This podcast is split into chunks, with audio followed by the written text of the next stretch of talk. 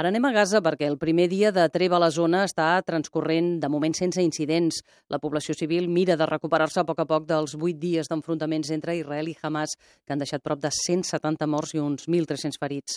El moviment al-Fatah del president palestí Mahmoud Abbas, que havia quedat en segon pla en aquesta crisi, també ha sortit al carrer a celebrar l'acord d'alto al foc entre Israel i el moviment islamista que controla la franja. Anem, doncs, a Jerusalem. Anna Garcia, bon dia. Bon dia. Els carrers de la Franja de Gaza es continua celebrant l'anunci d'aquesta treva. Avui cal destacar la presència a Gaza del negociador palestí Nabil Saad, membre del Comitè Central del Fatah, que és a Gaza celebrant aquesta treva.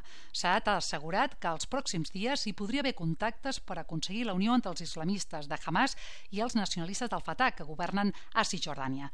El Fatah, doncs, no vol quedar al marge d'aquesta victòria. Durant aquesta dura ofensiva militar israeliana, el president de l'Autoritat Nacional Palestina, Mahmoud Abbas, que ha felicitat Hamas per la seva victòria, ha quedat totalment al marge.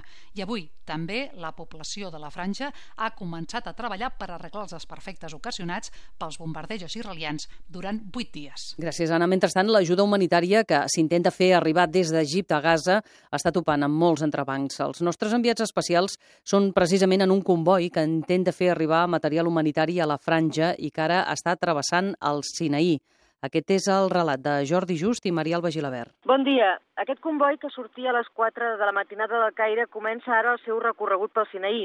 Durant unes hores s'ha trobat aturat per la policia perquè consideraven que no hi havia les condicions de seguretat necessàries perquè travessés aquest territori controlat en bona part per tribus beduïnes.